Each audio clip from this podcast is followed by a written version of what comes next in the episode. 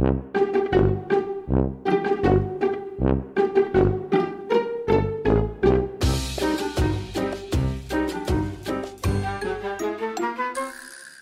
Sveiciens visiem dabas draugiem! Šī ir jau trešā podkāstu drusku izglābt pasauli epizode. Mans vārds ir Edgars Fresh, un es šo veidoju kopā ar biedrību Sendum un internetu žurnālu Satori.CLV. Šis ir papildinājums mūsu YouTube raidījumam ar tādu pašu nosaukumu, un es aicinu, pirms jūs šo klausāties, noskatīties trešo epizodi mūsu YouTube kanālā ar nosaukumu Kas ir Latvijas panda un kā to izglābt. Šis būs nedaudz citādāks raidījums nekā ierasts. Jūs tūlīt dzirdēsiet interviju, ko mēs ierakstījām, kas ir redzama arī video. Pilnā intervijā ar Pasaules dabas fonda direktoru Jāni Rozīti. Bet pirms tam es pieminēšu, ka šis projekts taps sadarbībā ar Latvijas vidas aizsardzības fondu, sporta preču veikalu Sportland un Ergo apdrošināšanu. Patīkamu klausīšanos! Sveiks, Jāni!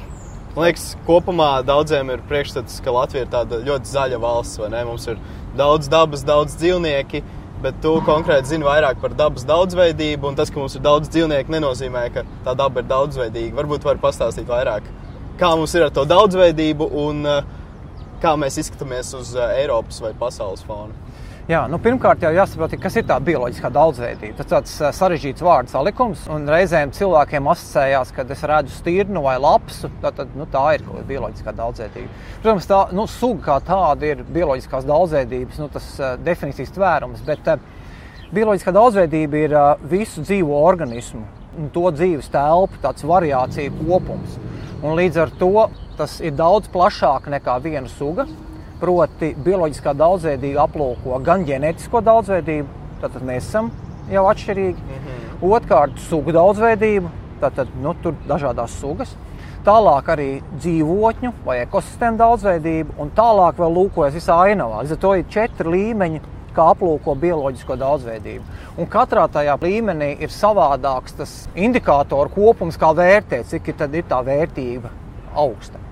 Ja mēs skatāmies, kāda esam mēs Latvija, nu, ar ko mēs salīdzinām, un izprotot to, ka pasaulē šobrīd ir milzīga bioloģiskās daudzības krīze, un tiek pat saukts šis apzīmējums, ka cilvēks vēsturē nav vēl nekad tik krasu sugu izmiršana, kāda notiek šobrīd, un kā ticamāk mēs piedzīvosim.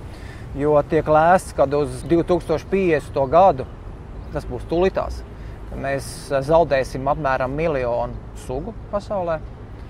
Un, ja mēs skatāmies uz Latviju, tad um, Latvijā nav neviena suga, kas būtu raksturīga tikai Latvijai. Mhm. Līdz ar to, ja kāda suga no Latvijas nu, izzūd, mēs viņu vairs neredzam, mēs varam domāt, ka kādā citā vietā šī suga vēl ir saglabājusies.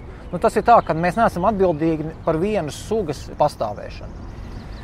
Bet tāpat laikā mēs, eh, es gribētu teikt, dažādu apstākļu dēļ, nevis tāpēc, ka mums ir ļoti vidē draudzīgi likumi, vai Latvijā ir cilvēki ar ļoti labām zināšanām par dabu, mums ir saglabājusies vēl nosacīta dabas daudzveidība, kas iespējams ir izzudusi Vācijā, varbūt Dānijā, nu, kur iespējams ir apstākļi bijuši citi, ir bijis intensīvāka dabas resursu izmantošana, un šīs sugas ir nu, pakāpeniski izzudušas.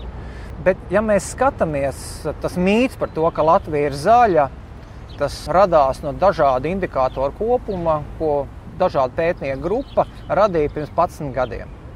Bet, ja mēs apstāmies tieši par dabas jautājumu, tad šobrīd mēs esam nu, piemēram tajā pašā zinātnieku grupas vērtējumā pēc meža pārvaldības. Mēs esam kaut kādā 148. vietā pasaulē pēc tā, kāda mēs attiecamies pret dabiskiem zālājiem, nu, pļavām vērtīgajām, mēs esam kaut kādi 130. Mēs ļoti labi zinām, ka Latvijā tikai trešā daļa no upēm un ezeriem ir labā ekoloģiskā kvalitātē. Tas ir tālu pat atpaliekam no Eiropas, no šīs intensīvās Eiropas. Tāpat laikā mēs arī zinām, ka mēs skatāmies uz Eiropas nozīmes sugām un dzīvotnēm, tad mēs zinām, ka Latvijā tikai 10% no šīm dzīvotnēm ir labā ekoloģiskā stāvoklī. Un tikai 41% no sugām ir labā ekoloģiskā stāvoklī. Līdz ar to teikt un domāt, ka Latvija ir nu, ļoti labā stāvoklī no dabas viedokļa, nu, tas ir tiešām mīts. Jo, ja mēs salīdzinām to kā vajadzētu būt, mēs esam ļoti, ļoti tālu. Ir tāds priekšstats, ka politiķi dara diezgan daudz, lai sabojātu mums to zaļās valsts slavu. Vai tā joprojām ir, vai kaut kas mainās arī? Tāda seja, ka viss tik, tikai nevalstiskais sektors ir tas, kas darbojās un cenšas saglabāt šo dabas daudzveidību.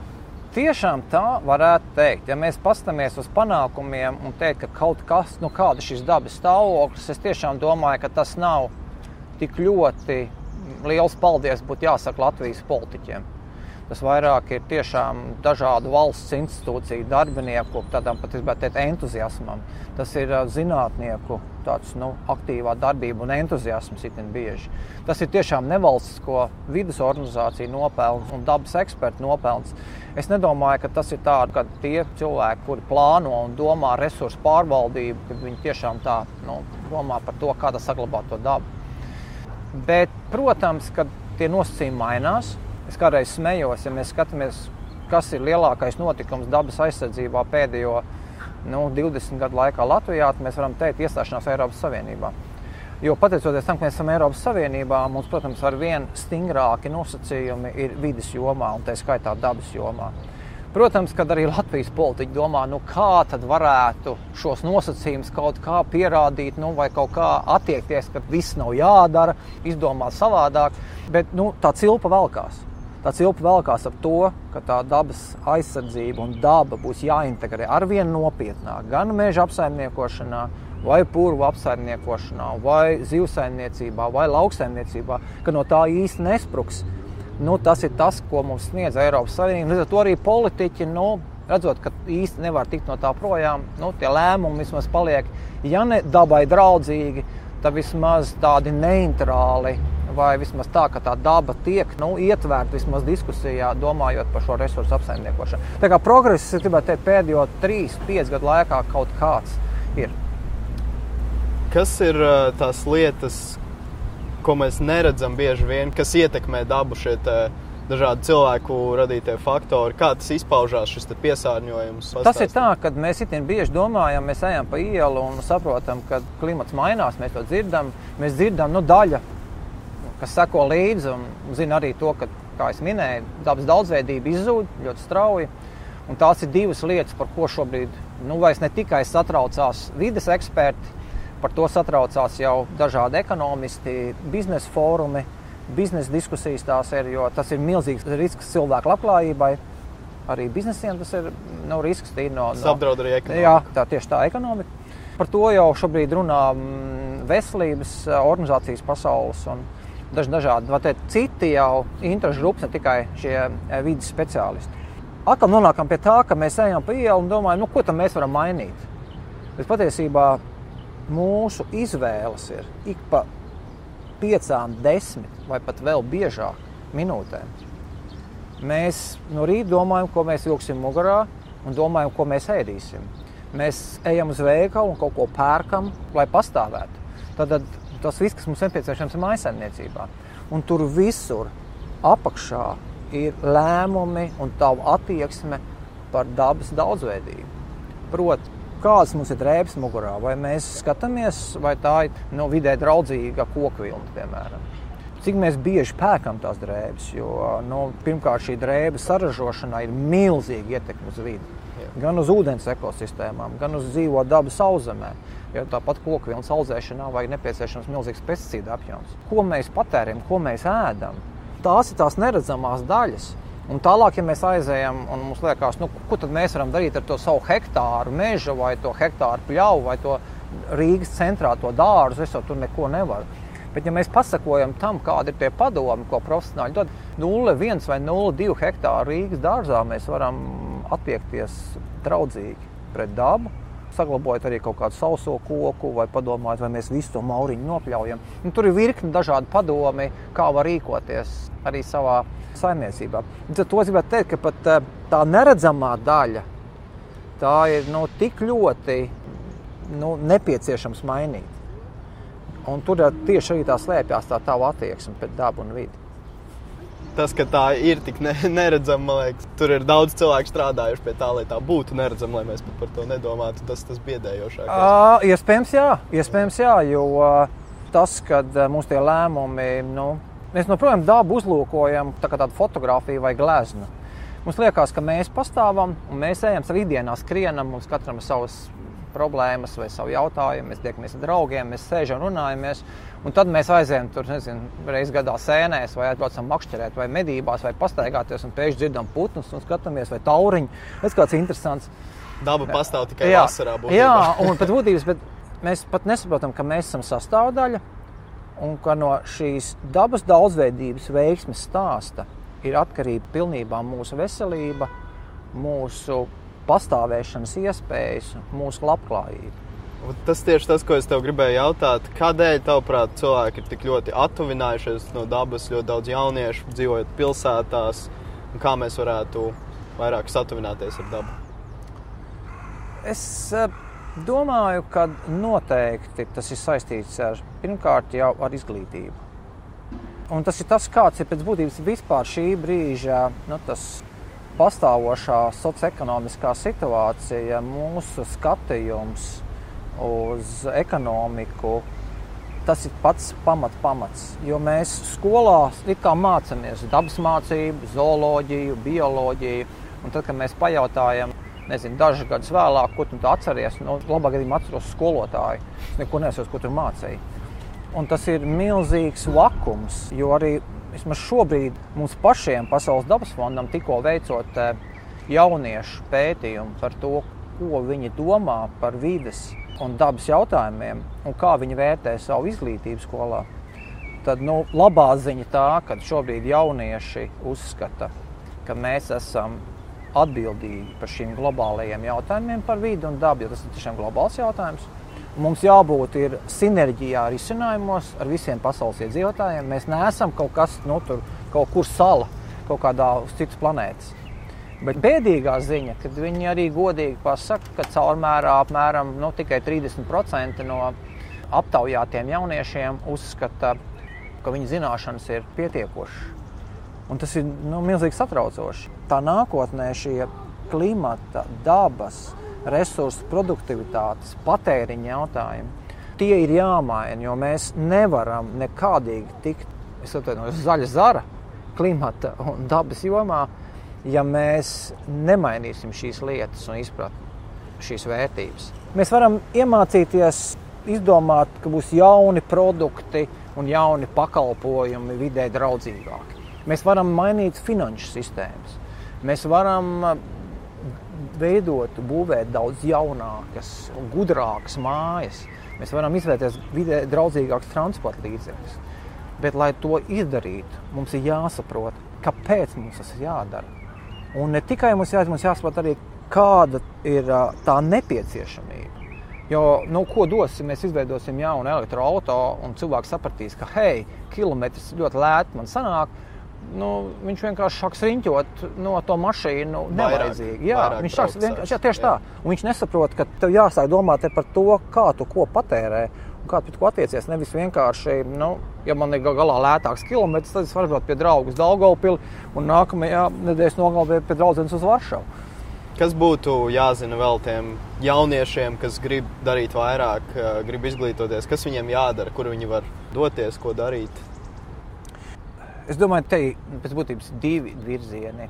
Viens ir, kā jau mēs runājām, ir šis individu jautājums, no ko tad es pērku, kā es dzīvoju, ko es izvēlos. Vienalga, vai tas būtu transports, vai tas būtu tas, ko es pērku mājām, kā es iekārtoju savu istabu, ko es ēdu un ko es valku mugurā. Tas ir pirmais. Otrs, mums pašiem vai mūsu radiniekiem ir kaut kāds zemes īpašums un jautājums, un tur ir visciešākā sasaiste, kā mēs veidojam šo, un citas būs draudzīgi. Bet tas, kas varbūt nebūs pārāk oriģināli, mans viedoklis, ka tas viss beigās izšķirošais jautājums jau ir, kādi valstī vai mūsu pašvaldībās tiek pieņemti lēmumi. Līdz ar to, lai kā mums nepatiktu politika, politiķi, un mēs būtu vienmēr neapmierināti ar lēmumiem, ja mums rūp daba un vide, tas mans aicinājums vienkārši dodieties uz vēlēšanām. Labāk politikā nekā nevalstiskajā sektorā. Visur ir nepieciešams, Visur. un katrs var atrast to, kurš vairāk vēlās strādāt. Bet vairāk, es domāju, ejiet un vismaz vērtējiet un prasiet politiķiem citu rīcību. Jo mūsu individu rīcību mēs varam tikt ar savu saimniecību galā. tev būs viss baigi labi sakārtots, un man, bet mēs saprotam, ka mēs beig beigās būsim no Latvijas iedzīvotājiem no 3%, 5%, 12%. Bet kamēr nebūs šie lēmumi jau tādā nacionālā mērogā, tāpat laikā mūsu politiķi vadošie strādā arī starptautiski un vienojās par kaut ko. Ja šie mūsu priekšstāvi nebūs ar izpratni un ar vērtībām, kas ir daudz plašāks nekā vienkārši nu, finanšu plūsmas, un tam tā būtu jābūt, tad mēs varam cerēt, ka šis plašais vērtību skala arī palīdzēs mums domāt par klimatu un par dabas stāvokli. Un vēlreiz, vēlreiz, tas vairs nav tāds romantiķu jautājums. Tas ir mūsu cilvēces labklājības un pastāvēšanas jautājums, cik mēs tālu esam aizdzīvojušies. Un šobrīd, ja mēs dzirdam, pat lielās starptautiskās organizācijās tiek uzsvērts ANO ģenerālsekretārs. Nu, pat dažas dienas atpakaļ paziņoja, ka mēs esam bezdibeņu malā. Tas ir nu, ļoti, ļoti nopietni.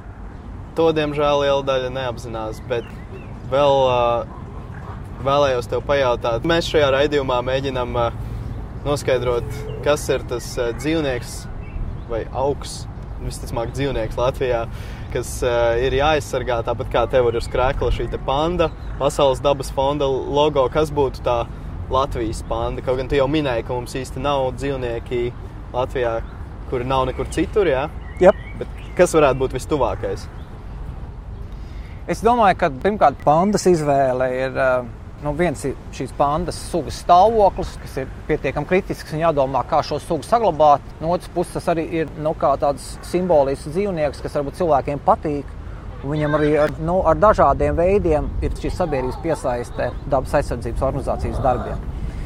Bet Latvijas gadījumā, es domāju, mēs varam izvēlēties dažādas nu, kukaiņu sugas, briežvabole. Kāpēc gan nē? Mēs varam izvēlēties zuti, kam ir diezgan bēdīgi klājās visā pasaulē, arī Latvijā. Mēs varam paņemt to pašu lūsi, jo mēs redzam, ka pēdējā laikā ir ļoti aktīva diskusija par to, nu, vai nevajadzētu pastiprināt lūšu aizsardzību Latvijā. Nu, mēs varam šīs dzīvnieku sugas vai kukaiņu sugas, kas zināmā mērā simbolizē dažāda mēroga vajadzības. Jo tas kukainis, ko mēs īstenībā bieži nezinām, mēs viņu pat nepamanām. Mēs pat nezinām, ka tāds kukainis dzīvo kaut kur. Jā. Bet tāpat laikā tā suga jau ir nosacīta nu, turpat bioloģiskās ķēdēs ar tādu pašu kaut kādu pienesumu dzīvai dabai, kā varbūt kaut kāds nu, tas, ko mēs redzam, par ko mēs priecājamies. Mēs jau arī nu, mēs gribam simbolizēt ar skaistiem dzīvnieciņiem, dabas aizsardzību, tāpēc, ka sabiedrībai tas patīk. Bet mēs varētu likt kaut kādu pilnīgi necilu sūnu vai ķērpi kā simbolu, kas zināmā mērā tas ir tikpat svarīgi mums patīk skaisti dzīvnieki. Tas, manuprāt, arī ir tas veids, kā mēs varam reklamēt šo labāk. Tādēļ mēs meklējam šo dzīvnieku. Vai kā tavuprāt, mēs varētu šo kustību reklamēt labāk? Es domāju, ka nav vienas formulas. Es domāju, nav vienas formulas. Ja tā formula būtu, kā šobrīd sakārtot šos vidas jautājumus, tik daudz cilvēku pie tā strādā, tad tas būtu paveikts. Es vēlreiz domāju, ka eh, noteicošais ir izglītība, Un gan tā izglītība ir obligāta. Mums būtu jāpielīdzina šos vidas un dabas jautājumus ar tādu pašu nopietnību, kā mēs mācām reizrēķinu vai alfabētu. No otras puses, ir jāmeklē ar vienu jauni veidi, kā ieinteresēt dažādās šīs auditorijas. Jo ir varbūt tie veidi, kā mēs strādājam un saprotam, pieņemam, varbūt ir pieaugušiem, bet mēs skatāmies no, uz 12 gadīgu vai 18 gadīgu vai 26 gadīgu jaunieti. Katram šai jauniešu grupai būs savs veids, kā uzrunāt un kā ieinteresēt. Tātad viens jāpastiprina obligātā izglītība, otrs, ka mums ir vienkārši nepieciešams arī kaut kādā veidā ieinteresēt ar tiem mehānismiem, instrumentiem, kas tam jaunietim šajā mirklī ir. Kas, kas, kas, kas, kas, kas, kas viņus uzrunā? Bet mums arī vēlreiz, vēlreiz jāsaprot, ja arī šodien mēs 21. gadā pēkšņi teiktu, klau, mēs tūpat pieķersimies un sāksim nopietnāk mācīt dabu vai vidi skolās, ar vien aktīvāk integrēt visos priekšmetos, mums jāsaprot, ka mēs kaut kādus panākumus gūsim tikai pēc 40, 30, 40 gadiem. Un tas ir diezgan baisi. Mm -hmm. Tas nozīmē, ka viss tas, ko mēs šodien sāksim darīt padziļināti, tam būs lieli sasniegumi tikai pēc tik un tik desmit gadiem. Jautājums ir, kā mēs varam šo starposmu izdzīvot ar pēc iespējas mazāk ietekmi uz vidi, jo šī izglītība varbūt nebūs tik labi attīstīta. Un tad jautājums ir, kādi ir tie likumi, kādi ir tie kompensācijas mehānismi, kādas ir nodokļu politikas. Ar to kā dzirdi, mēs aizējām prom no tās klasiskās vidas un dabas. Jo tas veiksmes stāsts jau beig beigās glabājās tajās finanšu sistēmās, jo tas ir tas, kas cilvēku šobrīd tiek pieņemt lēmumu. Pēc būtības, zinot šī brīža šo problēmu fonu, proti, ka nākamajos 20, 30 gados mēs varam zaudēt apmēram miljonu sugu. Mēs zinām, ka iepriekšējos 50 gados pēc Pasaules dabas fonda pētījumiem ir sarikušas populācijas pasaulē par 70%. Tad tādā fona informācija ir spēcīga. Lai kaut ko mainītu, ir nepieciešams diezgan krasas, fundamentālas izmaiņas. Un tad jautājums ir, vai sabiedrība ir gatava šīm fundamentālām izmaiņām. Tā teorija jau vienmēr saka, mums visās dzīves jomās. Sākam ar ļoti minimālām lietām, un mēs varam mainīties uz lielām lietām. Mēs iespējams nevaram vienā dienā atteikties no kaut kādiem paradumiem, vai mēs nevaram atteikties no kaut kādām 100 vai 200 vai 300 gadu tradīcijām, pat kas ir vairāku dažādu pauģu jautājumus. Bet mēs varam sākt ar mazām lietām, un mēs varam iespējams panākt progresu. Ja ne gada laikā, tad mēs varam panākt progresu desmit gadu laikā.